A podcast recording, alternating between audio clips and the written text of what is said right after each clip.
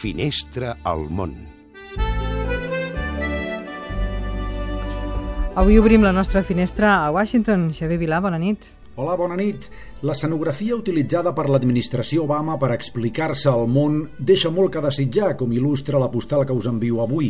Acarada amb la premsa internacional, la portaveu del Departament d'Estat afronta la qüestió catalana, la ucraïnesa o la xinesa en el marc ombrívol d'una estança rònega, testimoni de les angúnies pressupostàries d'aquesta branca del govern.